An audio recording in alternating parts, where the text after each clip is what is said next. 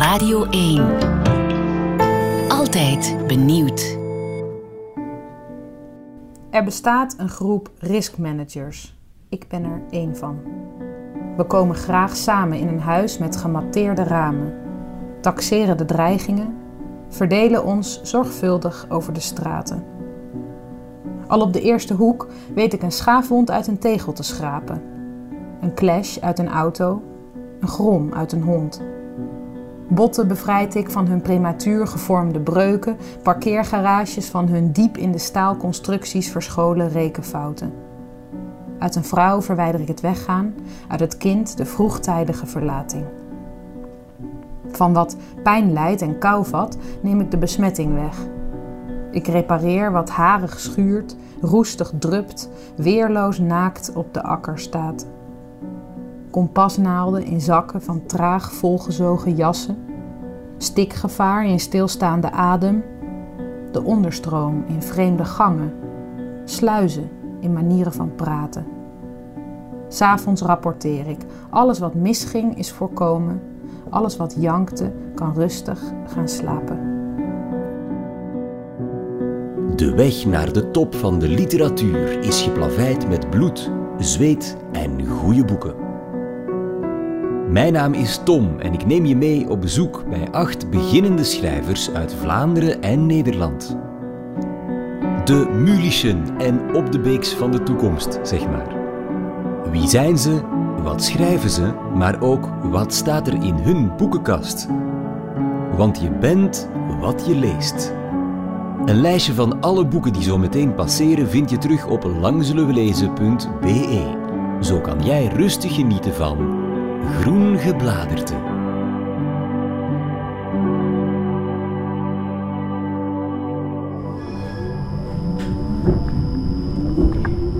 Dit is een klein beetje gênant opnemen, want ik zit op een um, halfvolle tram, of moet ik zeggen tram, in het centrum van Amsterdam. Ik ben onderweg naar een prachtige vrouw met een mooie bos blond oer-Hollands krullend haar.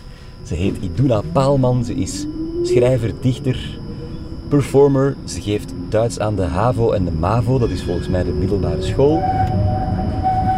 En ze werd onlangs in één klap in de literaire kanon gecatapulteerd omdat ze met haar debuutbundel De Grom uit de Hond halen, echt excellente poëzie, de Poëzie Debuutprijs aan Zee won. Dus ik heb heel erg uitgekeken naar onze kennismaking.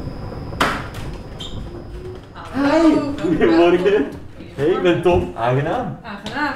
Hoi, zeg, wat leuk. De flat van Iduna is kraaknet en oergezellig en volledig gevuld met boeken. Ja, tegen alle wanden. Overal. Overal. Maar dat komt dus niet alleen door mij, want ik woon hier samen met iemand die gewoon dagelijks boekenboodschappen doet. En nou ja, er komen hier dus dagelijks echt meerdere boeken binnen. Ja. Maar dat is voor zijn werk. En Hij is mijn, eh, journalist. Ja, hij is journalist en recensent. En dat is voor mij heel fijn, want ik heb echt eh subiet, toen ik met hem verkering kreeg, mijn eh, abonnement op de bibliotheek opgezegd. Ja, hij dat- is een bibliotheek. Ja, hij is een bibliotheek. ja, ja, ja. En we hebben een beetje onze eigen kasten. Wat eigenlijk nu zo langzamerhand een beetje door elkaar heen is gaan lopen. Want ik lees ook veel uit zijn kast. En als ik een boek gelezen heb, dan vind ik dat dat een beetje mijn boek is geworden. Hoe langer de relatie duurt, hoe meer jullie bibliotheken in elkaar Ja, verstrengeld geraken. Misschien. Hoewel ik daar nog steeds een beetje een eh, allergisch eh, gevoel van krijg. Want ik vind het toch ook altijd nog wel fijn. Ik vind het bijvoorbeeld heel belangrijk dat als ik een boek heb wat hij ook al heeft, dat ik niet mijn boek, mijn exemplaar wegdoe. Want ik denk toch van ja, ik, ik wil ook gewoon nog een eigen. Welk boek heb je al het langst? Grappig. Ja, het eerste wat opvalt is Astrid Lindgren natuurlijk. Ja, die, eh, dat was wel bij ons thuis een, een grote favoriet. Ik heb hier eentje liggen waarbij ik dacht, ja, dit is toch wel, was vroeger een grote favoriet. Dat is De Rode Prinses van Paul Biegel. Die ken ik niet. Kijk, ja, dat, dat, dat, dat dacht ik al, dat is leuk. Dit is een geschreven. Ja, vakantie om een camping De Roos. 4 augustus 2000 voor Harmannes en Iduna van papa. Harmannes is mijn broertje. Ja, en die gaf ons altijd, als we op vakantie gingen, waar we dan ook naartoe gingen, op de, op de eerste dag van die vakantie, gaf die ons een boek. En ik weet nog dat ik de, voor, de voorkant bekeek dus, en ik zag het en ik dacht, dat is een rete saai boek.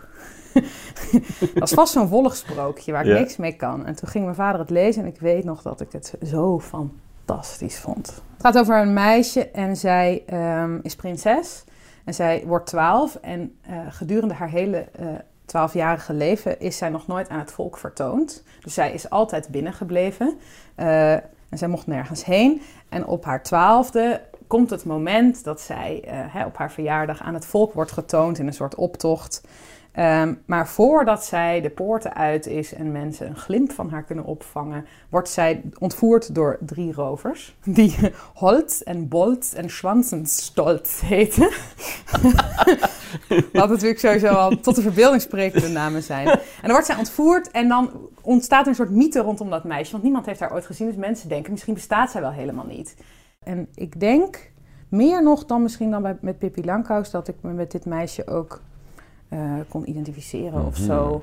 Zo'n meisje dat altijd binnen heeft gezeten en wil uitbreken, maar daar ook een soort eh, hè, de invloeden van buitenaf voor nodig heeft. Zo dapper als Pippi was, bijvoorbeeld, was ik vroeger helemaal niet. Dus hoewel ik Pippi Langkous waanzinnig eh, stoer en cool vond, was het altijd iets of iemand, was zij altijd iemand die ik wilde zijn en niet die ik al was. En dat is misschien met dit personage meer. Waar we het uiteraard over moeten hebben, en ik denk dat, dat het die plank is daar, is jouw poëziecollectie. Ik ben nog niet vaak mensen tegengekomen die zoveel poëzie in hun boekenkast hebben. Nou, ik weet nog echt goed dat toen ik student was, toen las ik graag poëzie. Maar poëzie is natuurlijk relatief duur voor relatief weinig eh, eh, woorden.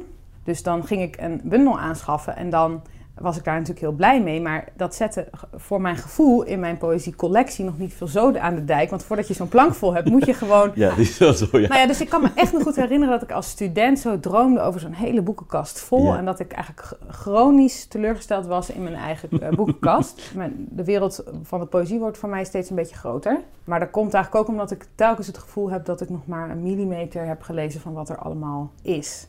En ik heb laatst iets ontdekt, dat heb ik hier neergelegd, van Nathalie Diaz. Postcolonial Love Poem. Nou, dat is dan dus iets wat ik tegenkom en wat ik nog helemaal niet ken Waar kom je dat tegen? in een boekwinkel. En dan pak ik dat gewoon op de, op de gok. Dan wordt het voor mij zo'n heel nieuwe ontdekkingstocht van wie is dat eigenlijk? En eh, is het raar dat ik nog helemaal niet van haar gehoord had? Of- Is er of- nog? Ja, is er nog? Loop ik eigenlijk achter? Ik heb dus echt het gevoel heel vaak met poëzie dat ik achterloop. Dat ik, ja, dat ik nog zoveel inhaal, lees, tijd nodig heb om helemaal bekwaam te raken in alles wat er is. Eh, dus probeer vooral rustig te blijven. En nou ja, met poëzie is natuurlijk sowieso, dat kun je niet van kaft tot kaft in één keer. Dat heeft zo tijd nodig en rust en aandacht. En dat heb je natuurlijk heel vaak niet. Als student, daar had ik het dus net over van zu- zuur verdiend. Ja, Oh, ik hoop dat het briefje er nog in zit. Ja, Dubbele punt. nou, dit is, was een van mijn eerste dichtbundels. Eh, dubbele punt van Wisława Szymborska. Ook omdat ik had een keer eh, een college over, daarover eh, gehad. Maar bijvoorbeeld dit, deze titel al. Hè? Monoloog van een in de geschiedenis verstrikte hond. Heel grappig is het. Heel grappig allemaal. En ik weet nog dat ik toen bij een hospita woonde. En ik had het haar uitgeleend. En dit is dat briefje, dat zit er nog in. Dank je, Doena. Ik vind ze prachtig. Inmiddels is zij hoogbejaard en eh, weet ze niet meer zo goed wie ze is. En, Maar je hebt daar dit nog meegegeven. ja, dat was, een leuk, dat was leuk, ja. Is vertaalde poëzie, ehm, raak je dan nog aan de ziel van de ja dichter? Want schrijf je niet een nieuw gedicht als je poëzie vertaalt? Ja, eh, ben vaker wel dan niet onder de indruk van een vertaling. En ik vind zelf gedichten vertalen heel erg moeilijk. En ik ben ook altijd heel erg mensen die het wel doen en goed doen eh, aan het bewonderen. En tegelijkertijd vraag ik me ook soms af, nou wat zou er dan hebben gestaan in het echt? Is er nog een dichter waar je van denkt, moet je die eens proberen? Ten eerste zou ik dan een vuist in de lucht willen steken voor de superguppies van Edward van der Vendel. Dat zijn eh, kindergedichten. Het is qua, qua ritme en qua grappigheid en ook qua soms heel serieus en, en ontroerend. Heel erg leuke kindergedichten. Eh, en ook heel slim, heel intelligente eh, dingen, heel originele beelden. Prachtig. Dus die is leuk. Ja? En er is een bundel van een Duitse dichteres. Honingprotocollen. Het heet Honingprotocollen, zeven schetsen voor gedichten die uitstekend zijn. Ja. En er zijn af en toe eh, liedjes tussen, of eh, ja, notenschrift.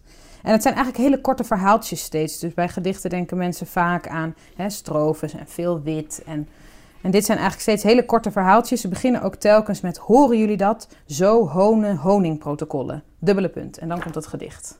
Ze maakt veel grapjes.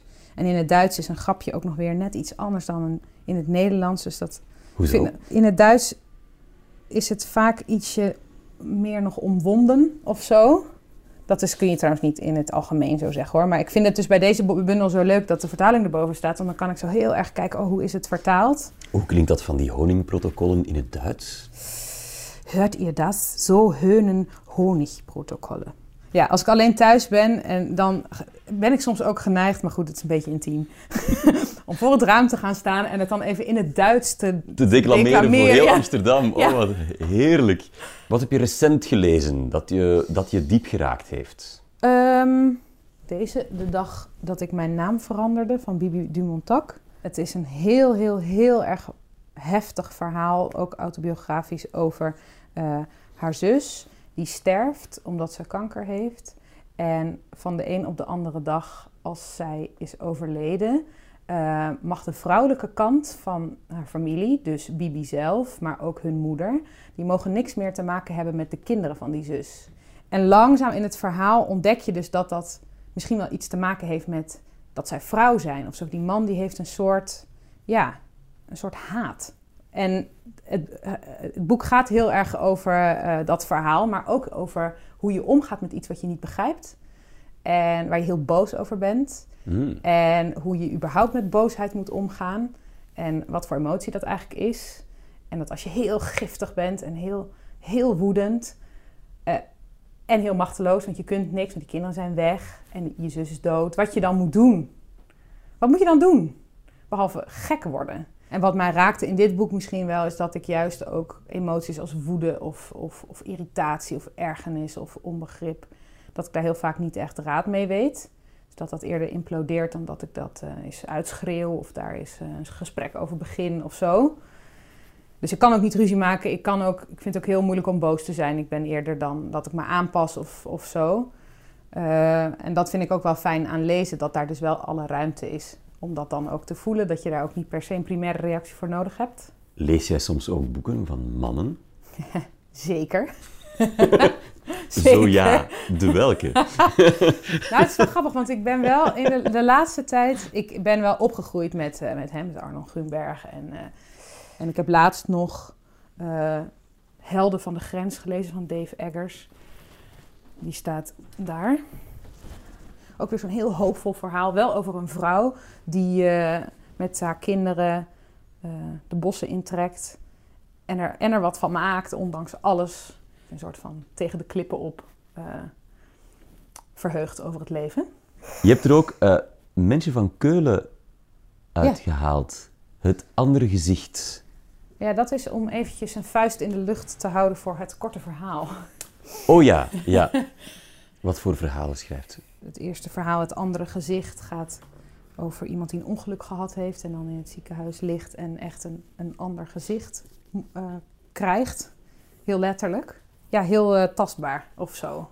En ik vind het van korte verhalen ook vaak zo fijn dat het ook een beetje het leven sp- spiegelt. Omdat ook als je een loop zou leggen op jouw leven of op dat van mij, dat is ook geen boek. Dat is ook geen verhaal. Dat is ook een soort hap en snap. En soms is het saai en soms is een dag super de moeite waard om van alles over uit de doeken te doen. En soms vergeet je ook hele stukken. Dat heeft me ook op de een of andere manier gerustgesteld. Zo van, ook als schrijver. Dat ik altijd denk, oh, je hebt als schrijver of als, als verhalenverteller heb je zo één een verhaal nodig, weet je. En dat moet een, een soort doel zijn met palen en een net. En daar moet je dan in. En dan moet er zo'n bal zo, wauw, en dan heb je geschoten. En dat is helemaal niet zo. Jij, jij eh, leest natuurlijk niet alleen Nederlands, maar ook Duits. Ja. Kan je ons een Duits boek aanraden? Ik lees graag boeken van Peter Stam. Dromerig en afstandelijk, zou ik bijna willen zeggen. Hoewel dat ook niet waar is, want hij komt heus dicht bij zijn personages. Maar je blijft altijd op een soort van eh, afstandje zweven. Agnes is een verhaal over een, een relatie. En over een liefde die eh, voorbij gaat. Eh, en over een, ja, het is eigenlijk een portret van een vrouw. Ja, de taal van hem blijft altijd een beetje zo zweven. Ja, als we het hebben over welk boek... Ja, nou, dat, dat, is, dat is misschien een goeie om nog te noemen. Zou ik zeggen Een Klein Leven van Hanya Yanagihara. Dat is wel een van de weinige boeken die ik heb gelezen... waarbij ik zeker weet, echt, echt zeker weet... dat die personages eh, voor de rest van mijn leven bij me zullen blijven.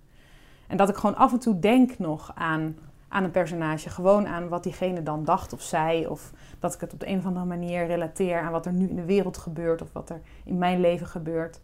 Eh, dat ik het gevoel heb dat, dat die personages die zijn nog ergens. Die lopen nog ergens rond. Ja, ik vind het een van de belangrijkste boeken over, over vriendschap. Ik heb er heel veel van geleerd. Het gaat over trouw en loyaliteit. En ook over een soort van tegen de klippen op. Iets van het leven maken. Ja, en het is verschrikkelijk ook soms. Het is echt... eh, er gebeuren dingen en dan denk ik... "Ah, nee, nee, nee. ja, het is ook een soap. Ik hou daar stiekem ook wel van, van die meeslepende. Ja, deze. Dit is een, heb ik een tijd geleden gelezen. Ja, ik, ga je, ik geef je gewoon Ja, allemaal nee, ga maar, content, eh, Tom. Dit boek Ja. het is het compostcirculatieplan van Anton Valens. En dit is een boek wat gaat over de relatie van een schrijver met zijn redacteur. Eh, en het is gesitueerd op en rondom een volkstuin. Nou, dit is, dit is misschien ook een boek waarin ik het gevoel heb eh, ontdekt te houden van plantjes en natuurbeschrijvingen en, en tuinieren en een beetje dat gewoel in de aarde en zo. En kijk, dit is dat, dat boek van Hanya Yanagihara is zo echt zo grootstedelijk New York en zo. En dit is zo heel klein, eh, ja, kneuterig bijna. En heel mooi, heel mooi. Dit is Groen Gebladerte, podcast over acht debutanten van eigen bodem. Ik ben op bezoek bij Iduna Paalman in Amsterdam. En zo meteen kom je alles te weten over haar bekroonde debuutbundel. Maar eerst nog één ultieme leestip. Want elk van mijn gasten mag mij één huiswerkboek opleggen dat ik moet lezen voor ik op bezoek mag komen. Iduna koos voor Handleiding voor poetsvrouwen van de even legendarische als getroubleerde Lucia Berlin. 29 kortverhalen zijn dat door de ogen van verloren vrouwen, arbeidsters en huishoudsters aan de rand van de Amerikaanse maatschappij. Ze vroeten, ze drinken, ze huilen en ze lachen. Ze kijken vanuit hun zwakke positie zo scherp en sterk de wereld in dat ze telkens opnieuw je hart veroveren. Waarom heb je mij dat boek laten lezen? Omdat dit een boek is nou, waar voor mij een boel in samenkwam. Iemand die over zichzelf schrijft en niet over zichzelf schrijft. Over een soort eh, opgetogenheid eh, en een soort zin in de dingen. Ondanks dat alles ook zwaar kloten is. Ik, dat vond ik dus juist inderdaad het, eh, het fijne van zo'n leeservaring. Dat je aan de ene kant denkt, eh, girl, come on. En dat je aan de andere kant een soort, dat het al vast ligt dat dat zo gaat omdat, je de, omdat we de geschiedenis kennen en, en, en, en de positie van, van vrouwen of van ja, mensen die slecht betaald werk doen. En de, de marginale stem die daarbij hoort. Alleen al het, het, het verhaal dat zijn titel gegeven heeft Ja. aan eh, eh, de verhalenbundel. Dat zijn mijmeringen van een poetsvrouw op haar busrit door een Amerikaanse stad op weg van en naar haar klanten. Ja. Hilarisch, diep droevig. Dat lijkt een heel eenvoudig verhaal, maar die thema's vreten me elkaar bijna op. Ja. op Ja. de pagina. Het gaat over rouw, ras, armoede, ongeluk, eenzaamheid, hypocrisie, leven, dood. Ja, en dan vooral de achterloosheid waarmee ze dat zo eh, dropt. Of zeg maar de, de wassalon of het, eh, het poetshockey of het... eh, dan ben ik zo eh, opgetild eigenlijk als zij schrijft over die zus die hartstikke ziek is, super moeilijk leven. De relatie met haar zus ook heel moeilijk geweest. En dan schrijft ze over hoe die zus in haar laatste terminale fase opbloeit. Omdat ze eindelijk het gevoel heeft, nou nu hoef ik voor niemand anders meer te leven dan voor mezelf. Dan wordt ze knalverliefd. Dan is ze nog helemaal geil en dan wil ze nog allemaal dingen. En tegelijkertijd ligt ze kotsend van de chemo ook al in bed. In je eigen debuutbundel zit een brief aan de schoonmaakhulp. Ja, Is dat een echo van Lucia Berlin? weet je. Ik heb hier soms een schoonmaker rondlopen. En ik voel me daar chronisch ongemakkelijk bij. En ik wil dat dat ongemak eens onderzoeken. Nou ja, ik, het, het is, ik vind het een heel, een heel interessante relatie. Want zij komt hier en ze is even de baas van mijn huis. Zij doet het. Ik betaal daarvoor en, en, en, en ik bemoei me er het liefst niet mee. Maar tegelijkertijd is het mijn huis en zijn het mijn spullen en is het mijn geld. Dus wil ik dat ze het goed doet. Ruim jij op voor ze? ja, zeker. Poets jij voor je poetshulp komt poetsen? Nou, dat heb ik afgeleerd. Maar dat heb ik zeker wel gedaan. Ja, zeker. Ja, ja. En zo zitten we plots midden in Iduna's bekroonde debuutbundel, De Grom uit de Hond halen. Over de geruststelling en dreiging die zij ziet in het alledaagse. Het woord benzine komt niet van automobieluitvinder Karl Benz. Een vluchtheuvel is geen verstopplaats of plek waar je kunt schuilen. Als vrouwen minder goed rijden dan mannen, waarom sterven er jaarlijks drie keer zoveel mannen op de weg? En zeg niet, wees blij met je ingehouden roekeloosheid. Besmeur de baan, maar scheur hem niet aan stukken. Blaas je op tot botsballon en stijg. Onderwerp je aan het asfalt dat we nog aan Hitler danken, want ook dat zijn misverstanden. Je schrijft vanuit observatie, niet vanuit. Maar wat zit er mijmeren aan je schrijft? Nee. Nee, ik vind het ook altijd fijn, of tenminste dat is voor mij wel een manier om een gedicht te beginnen, is om, om het echt uh, uit de wereld te plukken. Um, en het meteen als een, als, een, als een verhaaltje te maken of als een situatie te maken. Of... Nou, dat is wel grappig. Er is een gedicht, heb ik gemaakt, dat gaat over um, een ongeluk dat aan, in Alphen aan de Rijn gebeurde. Uh, echt een geweldige gebeurtenis, want daar klapte een kraan vanuit een drijvend ponton in de, in de Rijn, klapte op uh, een rij huizen. Er was gewoon een constructiefout. En de berichtgeving daarover is interessant, want er is niemand gewond geraakt, echt een wonder.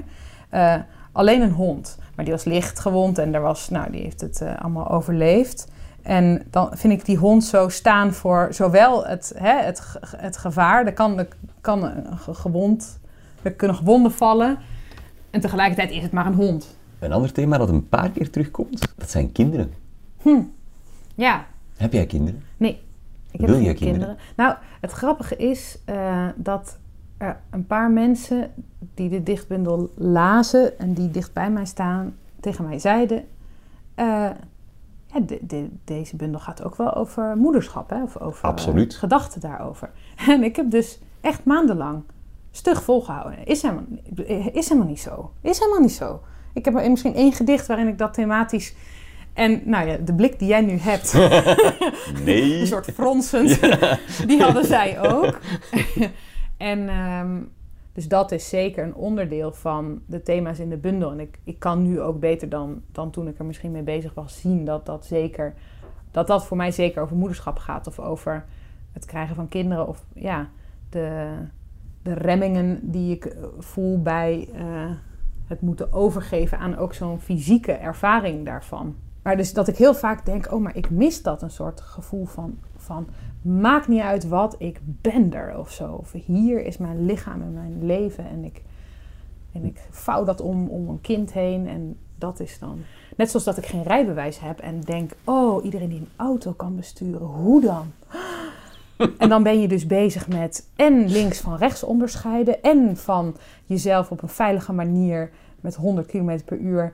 Terwijl En iedereen, ja, iedereen kan auto rijden, zeg maar. Het is, het is volgens mij niet zo moeilijk. Maar omdat ik het niet kan, omdat ik het nog niet ken, voelt het als een soort oh, grote toren die ik niet kan overzien, waarbij de top helemaal in de wolken zit. It's magic. ik ben dus heel erg bezig met, met hè, een, een, een, een plek vinden voor de stem die ik aan het ontwikkelen ben. En het heeft wel heel erg geholpen dat er zoveel mensen zijn die zeggen: uh, kom maar of zo. Dat jij nu hier zit. En, en, en ik, ik vind het heel fijn. En tegelijkertijd leidt het ook af. Want ik, ik ben nu ook alweer met nieuwe dingen bezig. En hoewel deze bundel nog heel dicht bij me staat, is het ook, ben ik ook toe nu aan nieuwe dingen maken. Dus het is heel leuk om erover te praten en er, en er nog mee bezig te zijn. En tegelijkertijd uh, remt het soms ook een beetje. Hm. Dus ik weet het nog niet hoe ik precies een plek kan hebben. Ik ben ook nog bang heel vaak en aarzelend en zo. En in poëzie is daar ruimte voor. Want je hebt daar tijd voor nodig om het te lezen. En in poëzie is ruimte voor allerlei verschillende kanten. En hoef je niet per se één stem te hebben, maar kan het een heleboel verschillende zijn. En ja, kun je soms ook dingen opschrijven die nog niet helemaal duidelijk zijn of die je nog niet helemaal begrijpt. Want dat is zo fijn aan poëzie, dat het niet zo helder hoeft te zijn en niet zo uh, voor iedereen makkelijk te begrijpen. Dat geeft mij ook de ruimte om dingen op te schrijven waar, waar ik zelf nog over aan het nadenken ben.